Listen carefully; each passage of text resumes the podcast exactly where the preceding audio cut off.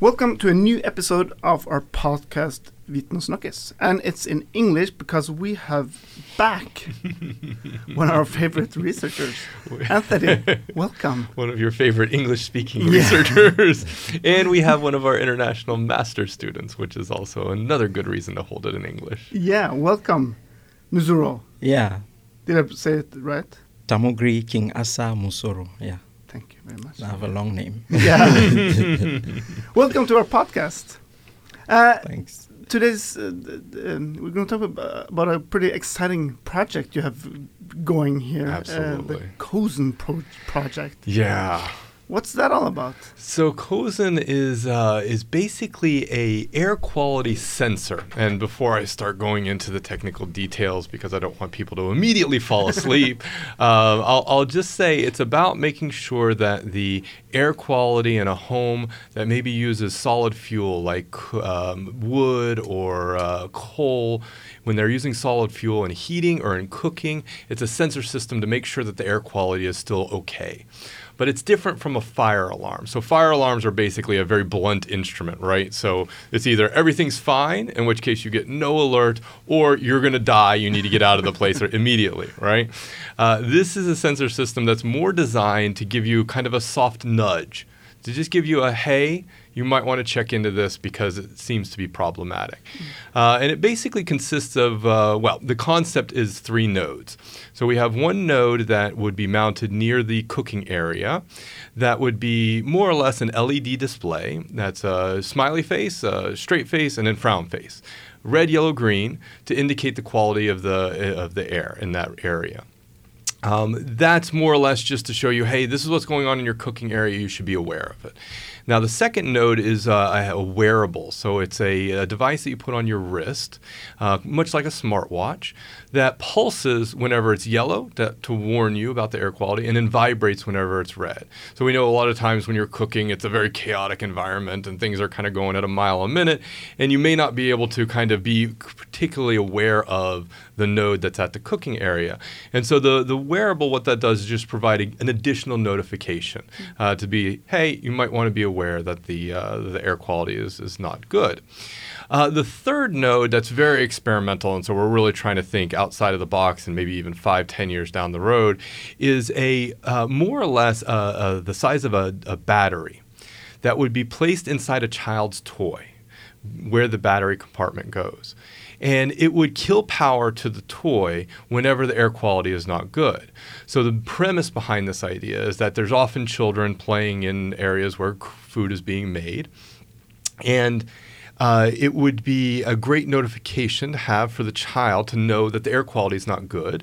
And then the child can remove themselves, or the child can go bother the parent and say, hey, fix my toy, fix my toy, it's not working. And then that gives the parent a prompt to either open a door, open a window, ventilate the room in some way, or take the child out of the room. But, but in, in Norway, we, we are like used to cook with electricity. Sure, So this is for many probably a bit unknown. What, what this problem with those gases? Well, there are a large number of homes that use solid fuel and cooking and heating outside of Norway. So, especially in the global south, there are a lot of homes in rural areas that still use uh, solid fuel as the primary means to cook and heat. But that doesn't preclude uh, applications in Norway because what, what Norwegians love, at least from what I understand of the culture more than anything, is going to the hytta and uh, spending a week or a weekend or the Easter holiday there and having a nice fire in the fireplace and going skiing and things like that. Now we don't even know what kind of uh, uh, the, what kind of air quality we ha- have in these environments, and we, but we do know that in uh, in Norwegian homes uh, they are built to keep heat in. Uh, we found this out last summer whenever it was 36 degrees and my apartment was 46 degrees uh, because these homes are made to be almost airtight.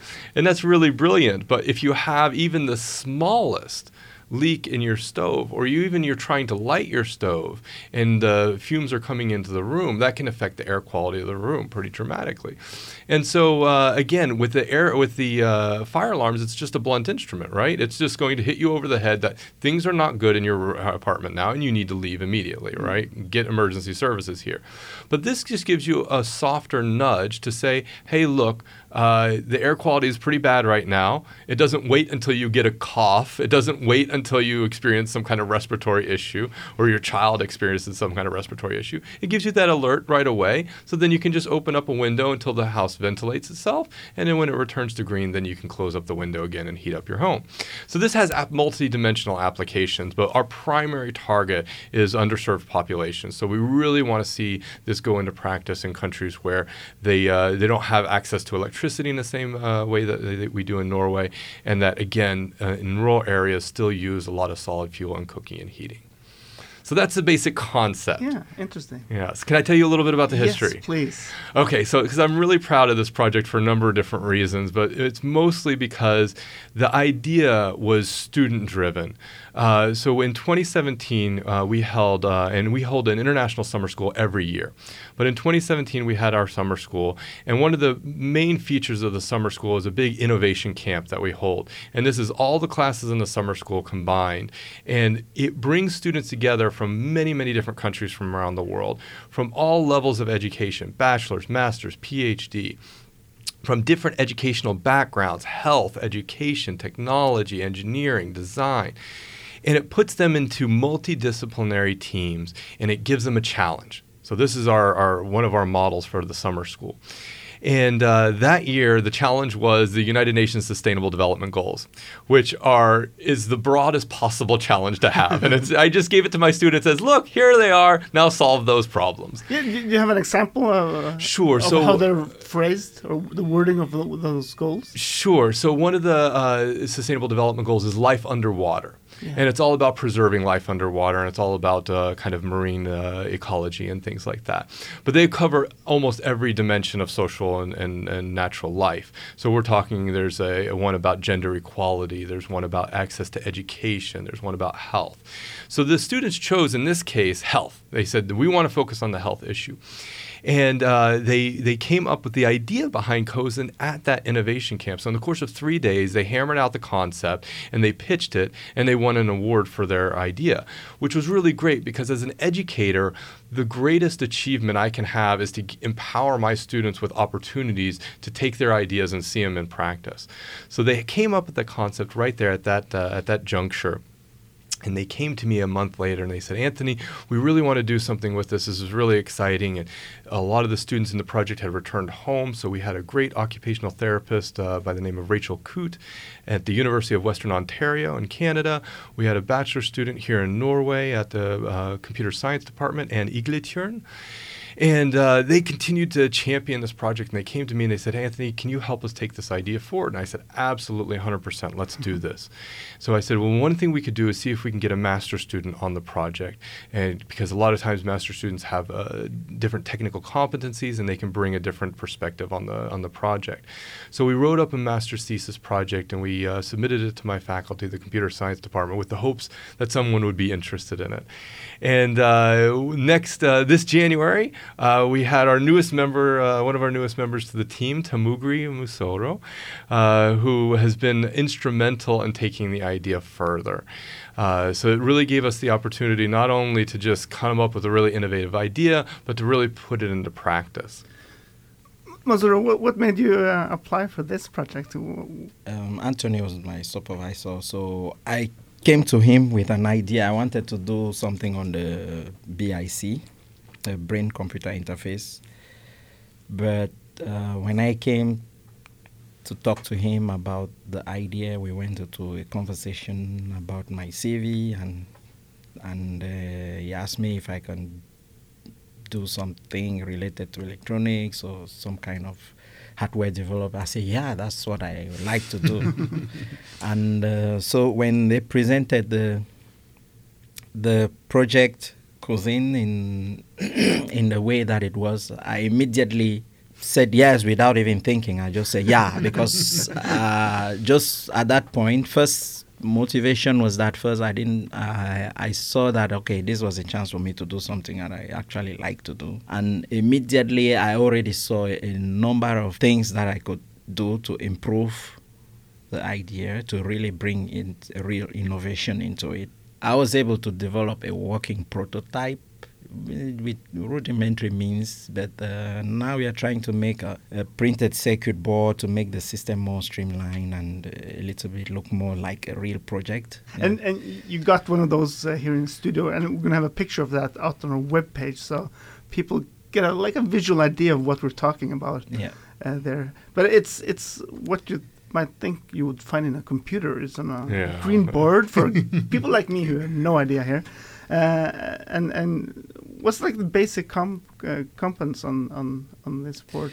So we try uh, a lot of effort was went into it to try to make it universally designed.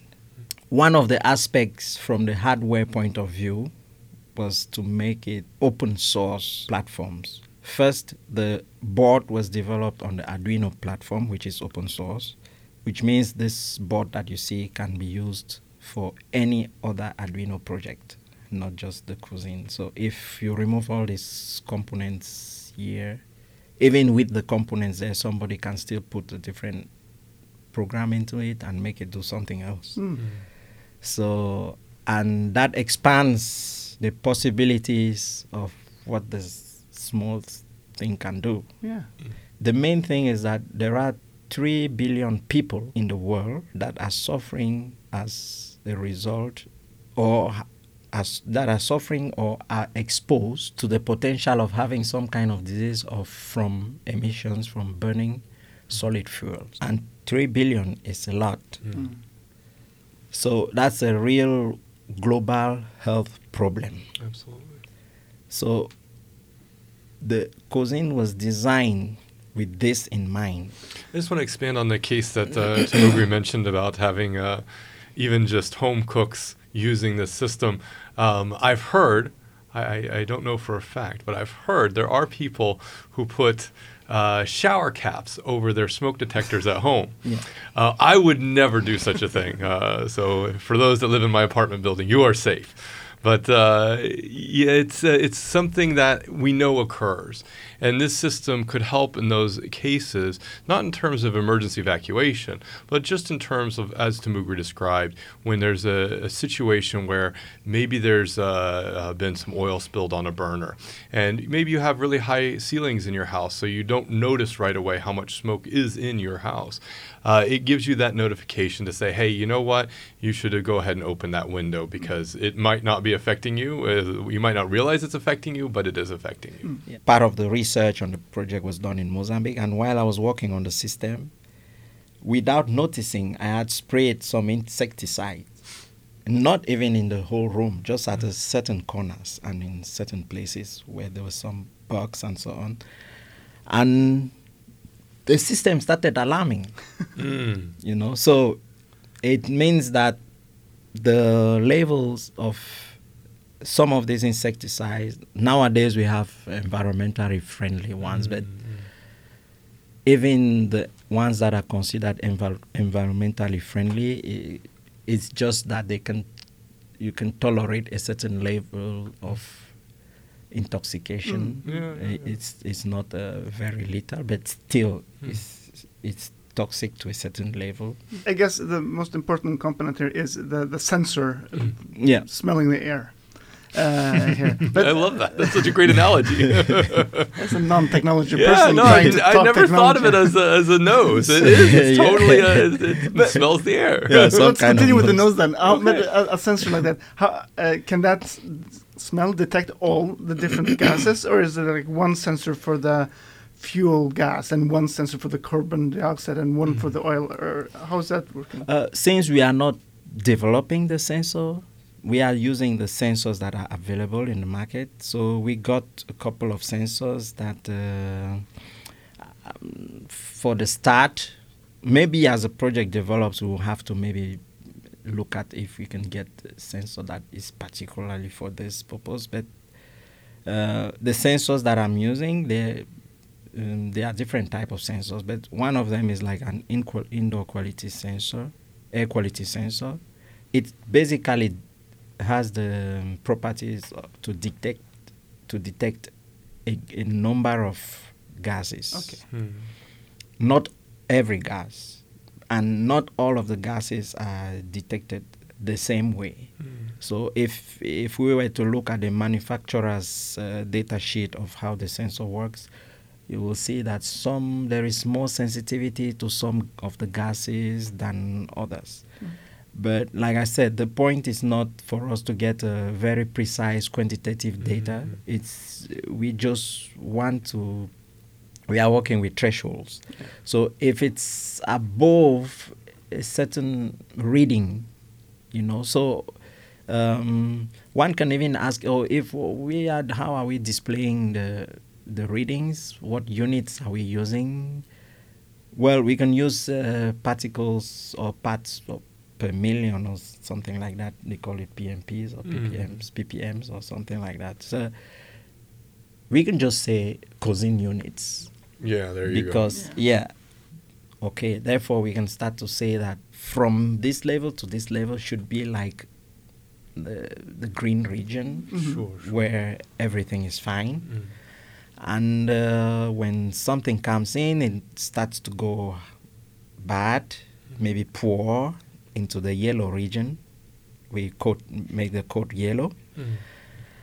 and uh, above that is the red side which is code red. Mm. so you have these three levels of uh, indication. So when it's red you know that it's it's really bad. Mm. but we've designed a system taking into consideration human negligence. Yeah. So sometimes Smart. it's getting yellow. Ah it's just yellow. It's- so we try to make the yellow region long into the normal uh, the- we start we extend the gr- green region shorten it a little bit so so that even when it's indicating yellow it's still kind of green Uh-huh. Yeah, so they don't but get the the person doesn't know that Yeah.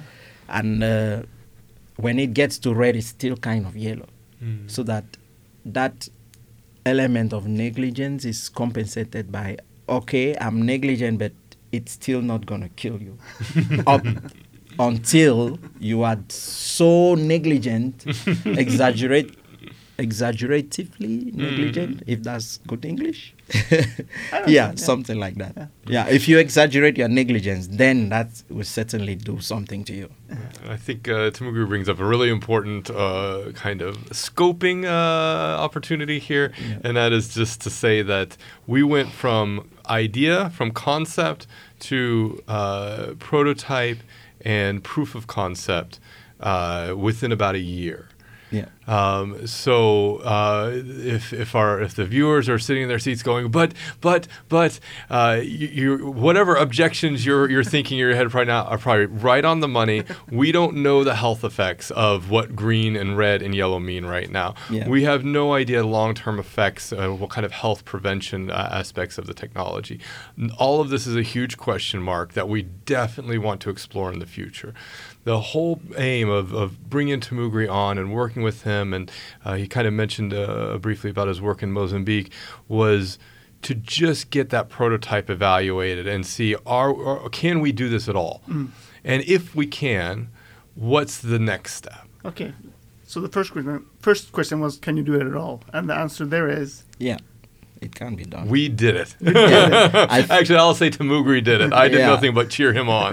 yeah, uh, I think that uh, it's safe to say that we exceeded what we actually. absolutely, yeah, absolutely. because yeah, yeah, I don't know for some reason. I, like I told Anthony, I have affinity. I have I have a very high affinity for difficult things. I gave him an impossible task when he started his master's thesis, and he said, "I don't know. I think I yeah I can Yeah. do that." And I said, "Okay, and each great." time I, I kept adding happen. futures to it because yeah, uh, but and then the next question was, Yeah. Yeah, what what, what happens then? Well, so Where can uh, I go buy it? Tamugri went to uh, to Maputo, the capital of Mozambique, Yeah. uh, this summer. So he went uh, July, August, September timeframe. Was that right? Or June, Yeah. July, August? Yeah, June, July, June, July, August time frame. August, September. yeah. Um, and did three month field work there and went into homes and uh, rural areas of uh, outside of Maputo with our colleagues there in Mozambique uh, to test the system and to find out if it works. So when we that when we say that it works, we know empirically because we've tested it in the field. We uh, how many homes did you test it in? Um, we went to three homes. Three homes. Yeah. Uh, so we got a nice little pilot test done. Um, and that's really, really fabulous because with this sort of technology, uh, validating the concept was kind of easy because we were already working with communities that wanted to put this into effect uh, right off the bat. So we kind of had stakeholder involvement from a very early stage. But getting past this juncture of, okay, now we have an idea, but what is it going to take to actually realize that idea, realize that ambition, was a huge undertaking. Uh, that did take not only Tamugri's time and energy and his uh, his brilliance, but uh, some financial resources as well. So I want to take this time to thank uh, the funders who, uh, uh, under the Center for International Education, uh, Center for International Utdanning, SIU, uh, under their NORPART program, they funded a project, a five year project called the Mozambique Norway Accessibility Partnership, the MAP project. And so, with the MAP funding, we were able to not only send Tamugri to Mozambique to do the field work, we were also able to include a small stipend to enable us to buy the equipment and whatever it takes to get this technology off the ground which was a hugely important component of making this a success at all. Uh, so I think I, I just want to say thank you to the funders and, and, uh, and point that out.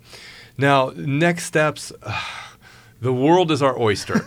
so we were really, really lucky that we also won. Uh, Cozin was the uh, the inspiration behind uh, an innovation prize that I won here at Oslo Met in uh, in the fall.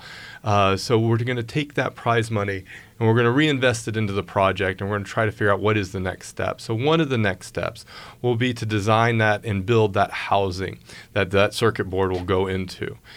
Another one of the steps is to begin to start conceptualizing in a little bit more concrete detail and actually designing the wearable and the uh, toy uh, technologies.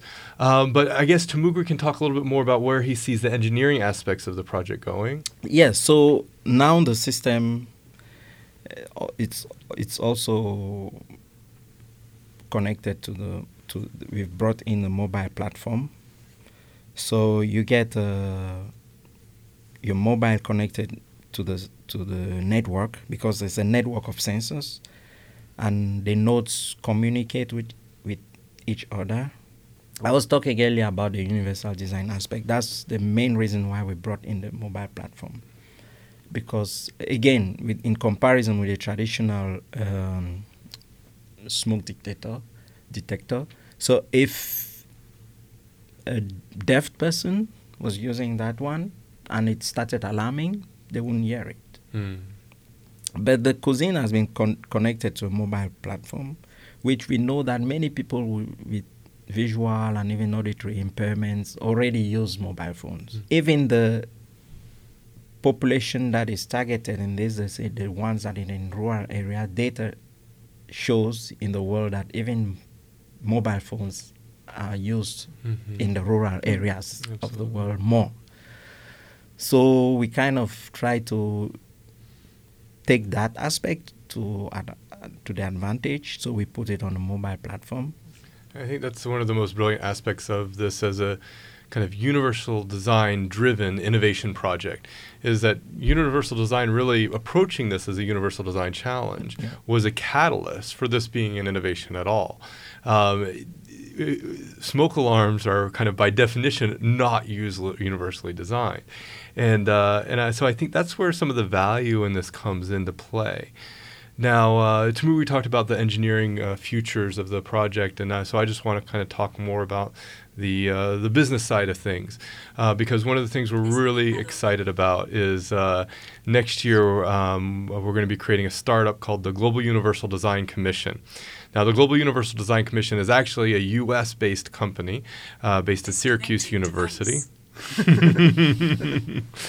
Uh, based at Syracuse University, and uh, and so I sit on the board of directors for the Global Universal Design Commission (US). Uh, so I've been talking to the board there about opening a European headquarters of the Global Universal Design Commission, and so we just uh, that was just approved last week. Uh, so we're really excited to begin uh, the process for opening a new company next year called the Global Universal Design Commission Europe. And we're going to bring Cozin under the banner of the Global Universal Design Commission because what we really see the Global Universal Design Commission acting is as a universal design incubator program. So taking new innovations, taking universal design principles and using them to spin them off from university into the market.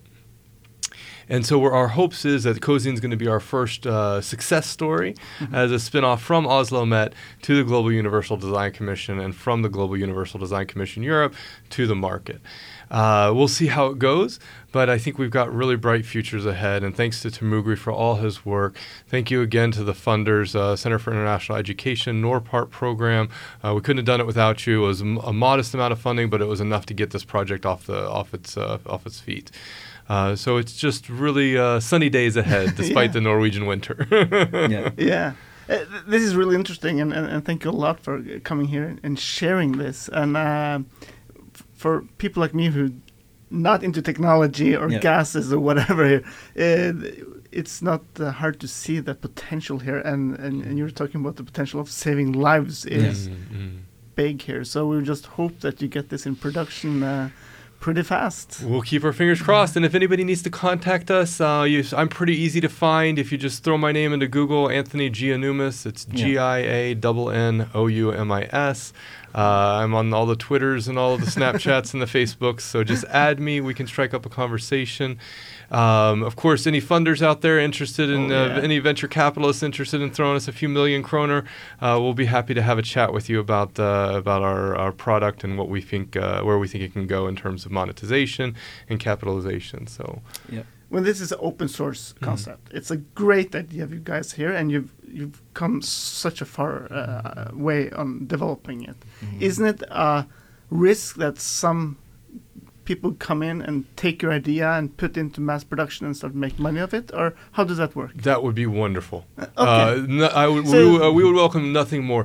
There is never a shortage of great ideas. Yeah. All right. There is a shortage of people willing to put the effort into making them happen. Okay, so if somebody wants to take the work that we've done and spin it into something else and capitalize it in their own way, please do so go that's not for seen as on the condition that it saves more lives. Exactly, exactly. yeah. Because uh, you know, with some people like Tamugri and students like uh, Anne Iglitjern and Rachel Coote in Canada, working on these sorts of problems, they are a fountain of brilliant ideas. And so this is one in a very long line of wonderful ideas that they're going to come up with. Uh, we're just excited to be involved in, in taking this forward. Uh, if somebody else is out there and they just want to continue taking the they take the baton from us and run with it, yeah. by all means. Wow. Yeah, think about it. The the mobile platform is a revolutionary uh, something that has come and it's you know taking con- taking over the world because uh, there is this social aspect of it is saying that okay people are no more engaging with people but with their phones if we can uh, and there is a scramble to occupy that space and that mm. platform if we can load the platform with important things mm. that are, have the potential of saving humanity mm why shouldn't we do that? In, in, uh, because if we, we, are putting Cozin on the mobile platform, now when someone holds a mobile phone, they will actually know that this is something that I depend on, mm-hmm. not just something that I will spend time having fun with it or looking at. One last thing. Yeah. Uh, if anybody out there is interested in doing this sort of project in their future, I would encourage everyone to go to Oslo Met's website, go to the International Summer School, and sign up for one of the courses. We're gonna have it. We have an amazing new challenge for next year's uh, students. We're really excited about it. We have so many awesome courses and things like data analytics, ethical hacking, uh, technology and society, which I'm teaching. So you should definitely sign up for that one. Uh, we have a course in uh, in universal design, and we have a course in uh, in uh, I said ethical hacking. Yeah. Uh, so check those courses out. Sign up for them. Deadline's first of February. So get your enrollment in now.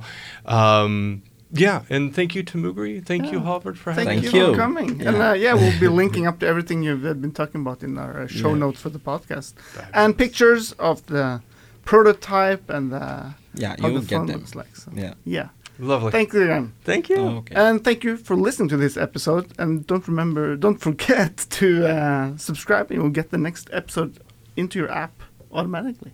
And we're on Spotify now, so look us up there. Awesome. Have a good day.